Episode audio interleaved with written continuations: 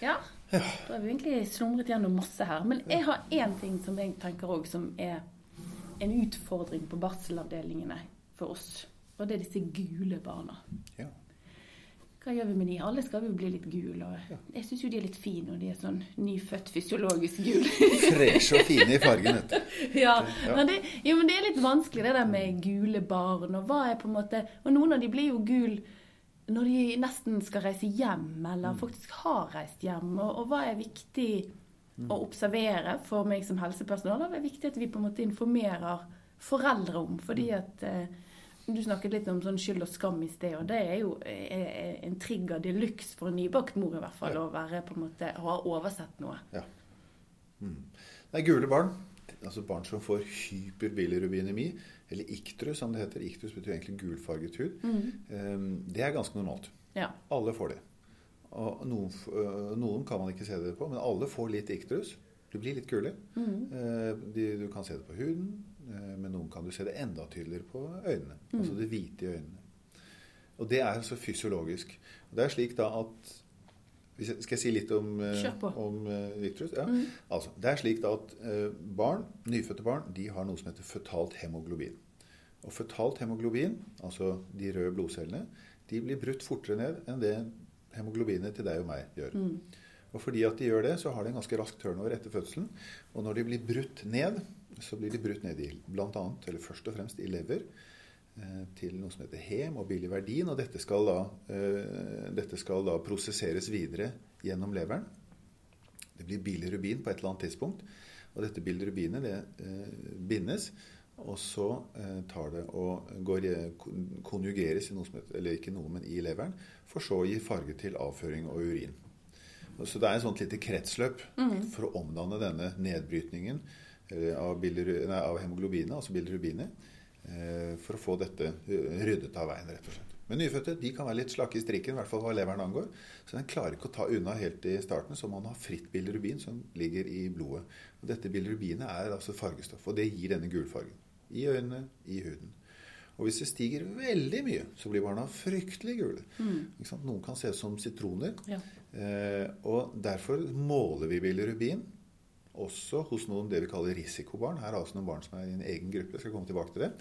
Eh, og så måler vi for å se om det er høyt, om det forblir høyt eller er stigende, eller om det går ned av seg selv. For det gjør det i de aller, aller, aller fleste tilfellene.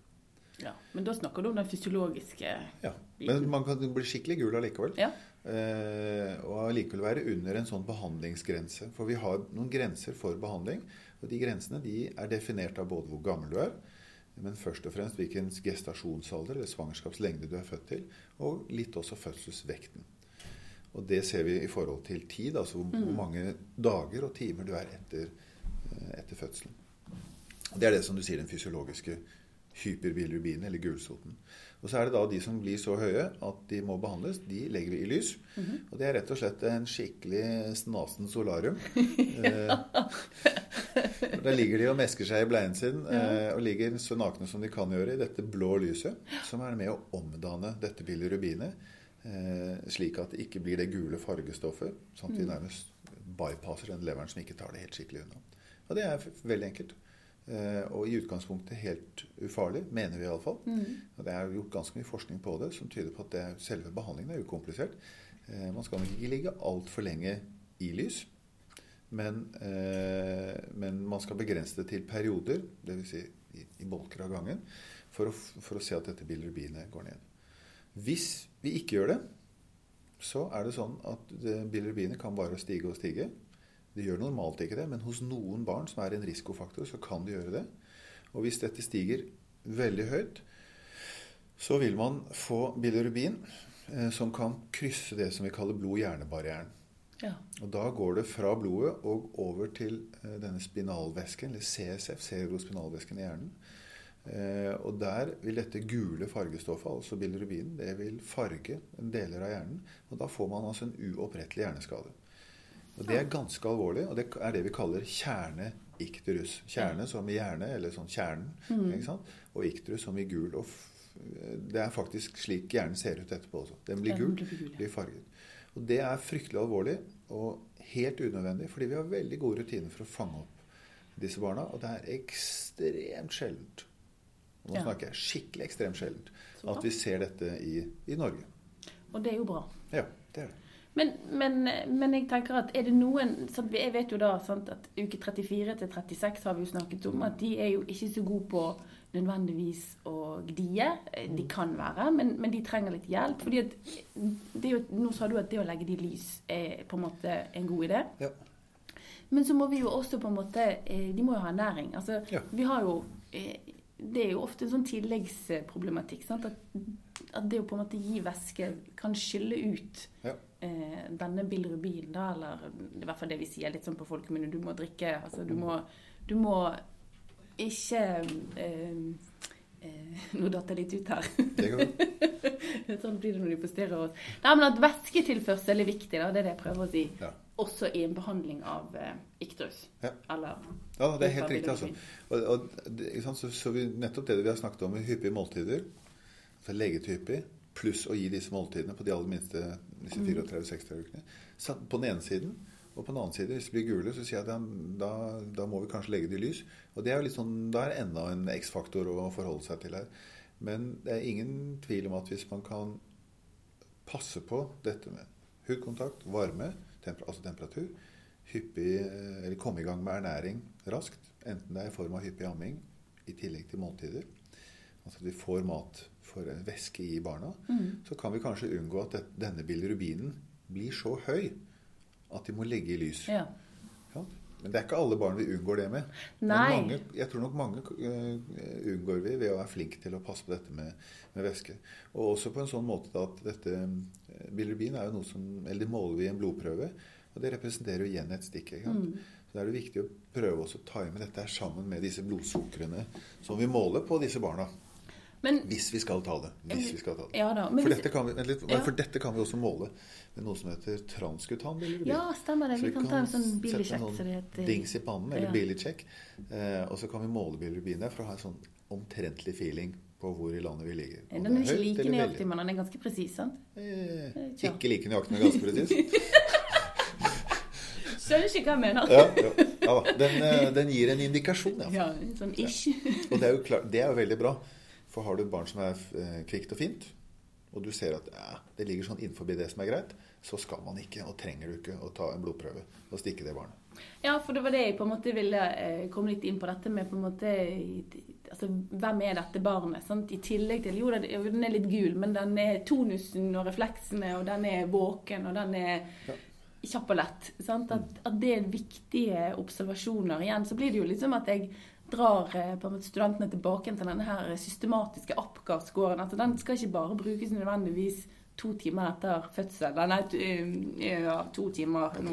Uff, uff, Afghan er jo mye. et fem og ti minutter etter fødsel. Men Jeg jeg skulle helt, se om du kunne det. ja, men jeg er helt enig. Observasjonene som har med kraft, som har med tonus, Ja. altså reaksjon, som har med pust, som har med eh, hjertefrekvens eh, og farge å gjøre, det er klart det er, det er sånne universelle observasjoner. Ja, for, for jeg vil at liksom, eh, vi skal bli litt mer systematisk noen ganger. For vi er litt sånn gode på kanskje A, B, C, og så stopper det litt der. Sant? Ja. Men at du må liksom ta med deg hele spekteret, og at det er viktige parameter da, i en sånn Skal den i lys eller ikke? Skal jeg stikke den, skal jeg ikke? Han er Ja. kvikk og kjapp. Det holder kanskje med en bildesjekk, og så sparte vi den for et, eh, for et stikk. Ja, Sant? Ja, helt klart. altså. Og jeg, jeg tror også at Det du sier der, liksom, tar litt tilbake den der systematiske sjekken. Det er mange måter å, å, å gjøre sånn på, men jeg tror selv, og jeg tenker selv, eller sånn gjør jeg det selv i en del situasjoner hvor jeg skal, hvor jeg skal resjekke barn. Eh, Du, du sier vi går tilbake til ABC, men man kan, man kan lage seg enkle huske, huskeregler som, som ikke heter ABC, Nei? men som heter tilsvarende. Hvor du vet at ok, det, det og det det går, altså Hjertefrekvens, det går på puls, det går på reaksjon, tonus, farge, eh, temperatur og hvor gammelt var barnet. sant? Alle de tingene der. Eh, lager, man sånne, lager man sånne enkle regler som man kan henge det på, så tror jeg du kan komme ganske langt. Eh, med en snakk med lege f.eks. hvis det er noe som bekymrer. Ikke nødvendigvis. Hvis alt er greit ellers, så trenger man ikke gjøre noe mer tiltak. Og vi har også algoritmer for veldig mye. Så er ting innenfor det som er normalt, inklusiv eh, blodprøver og eventuelt sånn transkutan bilirubinmålinger, ja, mm, da er det innenfor det som er normalt. Da. Ja, det er viktig. Men du har sagt noe liksom gjennom hele denne samtalen som jeg syns er litt viktig, som jeg av og til eh, eh, altså som jeg mener er viktig at vi formidler til, til studentene. og Det handler dette om gestasjonsalder. altså Hele tiden se hvem er dette barnet. Mm. Sant? For det, nå listet vi opp veldig mange sånne eh, ding, ding, ding, ding, ding list. Du kan se på det, det, det og det. Sant? Ja. Men så kan du si at det er jo viktig å se de hele tiden opp imot Altså å ja, men den er bare to timer gammel, da er det helt greit. Men Mm. å ja, den er fire dager gammel, da er jo det litt unormalt. Altså, skjønner hvor jeg vil hen? At, Ja. at de må liksom Ting henger sammen, og at en observasjon to timer postpartum kan være mer viktig eller alvorlig enn Ja. fire dager gammelt. Sant? Ja, definitivt. Det er, det er veldig viktig. For alle disse grensene de flytter seg etter hvert som barnet blir eldre. Ja. Ikke sant? Og Derfor gjør det det ofte noen ganger vanskelig å være både mor og, og behandler på barselavdelingen. Fordi at fra første, altså fra postoperative time til Nei, postpartumtime til på en måte fjerde dag, så, så er det så store endringer i den lille knotten som gjør at, eh, at man kan bli litt forvirret som mor og far. altså. Ja, det, det er helt riktig, altså. Og der, og der er det dere, først og fremst, Ja. som, er, som skal hjelpe og rettlede og veilede og kunne fortelle til foreldrene at hva, dette er normalt, Ja. dette er som å forvente. Og trygge de eh, for å, trygge de og gjøre de komfortable for den tilværelsen som de er på vei inn i, nemlig å være tre som reiser hjem. Ja. Og når de reiser hjem, så kan det være enda flere når de kommer hjem. ja. Eh, og selv om noen er flergangsforeldre, så trenger de likevel å trygges på nytt igjen. Hvordan var dette her med et nyfødt barn? Jo, dette var normalt. Sånn var det skulle være. Du, Nå, nå er- nærmer vi oss gjerne en slutt, men jeg vil bare dra deg tilbake litt til denne ikterussen. sant? Fordi den er på en måte, som du sa, kjerneikterus, som er uhyre sjelden, eh, og som vi på en måte unngår stort sett. Mm. Eh, er det noe, altså jeg tenker, Vi har jo barn som blir født med vakuum eller tang, eller som av og til får seg en trøkk i, i hodet som gjør at de får litt vondt, og gjerne får seg et lite hematom. Altså, Er det noen barn som vi på en måte tenker at at pga. det og det og det Ja, du er uke 34, eller du er uke 34-36, du hadde det i tillegg og det i tillegg. Litt oppmer ekstra oppmerksom i forhold til akkurat gulsott eller ikterus. Eller ja, vi, snak, vi kommer jo ikke så langt. Nei, nei, for jeg avbrøt deg jo selvfølgelig. Nei. Men det er, det, er, eh, det er flere grunner, eller flere årsaker, til at man kan få gulsott. eh, hvor eh, noen er mer vanlige enn andre. Den fysiologiske gulsoten som vi snakket om i sted. Eh, de som blir litt gule, og så var det ikke noe mer. Eller det var kanskje litt grann lys, og så var det ikke noe mer enn det. Det er greit. Det er ikke noen knagg å henge det på. Det er bare sånn det er. Man, man fikk, ble litt gul. Eh, Men så er det noen som er, en, som er klart i en risikosone for å bli mer gule, og farlig fort gule, sånn at det krever behandling og kanskje ekstra tiltak. Og Da er det barn som har, eh, som har mødre hvor det er en, en, et uforlik mellom mor og barn med hensyn til blodgruppene. Det er gjerne det vi kaller hvis det er et AB0-uforlik, Mm. av blodgruppesystemet AB0, eller et resus-uforlik. Og så fins det en haug av undergrupper, både på AB0 og resus, eh, eller blodgruppegrupperingene, som kan gi eh, tilsvarende uforlik. Noen er mer alvorlige eller mer eh, hissige enn andre. Og det er kanskje den vanligste årsaken til rask og eh, behandlingskrevende eh, gulsot. Men det er ikke vanlig. Det er, ikke, det er heller ikke den vanligste årsaken. Men, men det er en, en vanlig årsak. Det er det. Og de skal vi passe litt ekstra på. Og noen av de barna følger vi ekstra hos oss, borte på nyfødt, eh, intensiv, i etterkant, altså etter at de er skrevet ut hos dere, med eller uten behandling. Og så har du de som du snakket om. Eh, de som har fått seg ikke et kakk i hodet, men de som har blitt som er tatt med vakuum eller tang. Ja. Som kan, kan, kan ha en liten sånn blodutredelse eh, oppi i, i hodet. Og det, det blodet det skal brytes ned. Og når det blir brutt Ja. ned, så, så er det med på å skape en, en situasjon hvor bilirubinet kan raskt bli høyt. For dette hemoglobinet som skulle brytes ned, det blir eller eh, ja, det blir hemoglobin og bilirubin. bilirubin. Eh, og det kan også gi eh, iktrus. Ja, for det er sånne ting som er litt lurt å, å tenke på. At du må, du må ikke se ting isolert. Sant? Du må Nei. se alt i en sammenheng. Ja, det er sant? At, riktig. eh, at ok, den har kanskje et eh, kefalhematom, eller den Ja. har i hvert fall eh, Ja, eller den kan bli født i setefødsel. Og rumpa er blå som bare det. Nettopp. Eller eh, hvis det er en gutt, og pungen er den presenterende delen, Mm. som kan ta en form og en størrelse som du ikke tror er mulig. I hvert fall ikke vi som er gutter tror Mm. Ja. er mulig. Eh, og som både er vondt, hardt og, og representerer en del blod. Liksom. Det er Mm. også med på å, å kunne gi, gi gulsott. Ja, og det, det tror jeg at vi av og til rett og slett glemmer litt. grann, At vi tenker ikke at eh, altså Det er litt som en blåveis, mer eller mindre. Og så er det sånn, ja, men det er jo Det ligger jo noe fysiologisk bak her som skal på en måte repareres Mm. eh, og fikses på. At det, så at vi følger litt ekstra med på de barna som, som har eh, fått seg da en litt striere tørn gjennom fødselskanalen. Ja. Mm. Mm. Ja, jeg tror vi har vært innom ganske mange ting. Sitter du og brenner inne med noe som Dette burde du ha spurt om, Katrine. Ja. Melde som kan jo ingenting. Nei, Nei jeg, jeg, jeg, tenker at eh, for den, for den pasientgruppen som vi snakker om Ja. Nei, vi kaller det ikke pasienter. For de Nei. barna som vi snakker om, som er presumptivt friske, Mm. som er så gamle at de ikke trenger å komme opp på nyfødt intensiv, men allikevel ikke så gamle eh, at de klarer seg helt selv, eller at vi skal passe litt ekstra på dem eh, de første dagene, kanskje den første leveuken, for at eh, det skal fungere fint på barsel, og for at mor og far kan dra hjem trygge og komfortable med de barna, Mm. eh, så, er det, så er det det vi har snakket om, altså dette med bilirubin, dette med blodsukker, dette med temperatur, eh, som kanskje er det aller viktigste. I tillegg til de observasjonene som vi nå har sånn repetert kanskje til det kjedsommelige. Jo, jo, men jeg tenker det er viktig.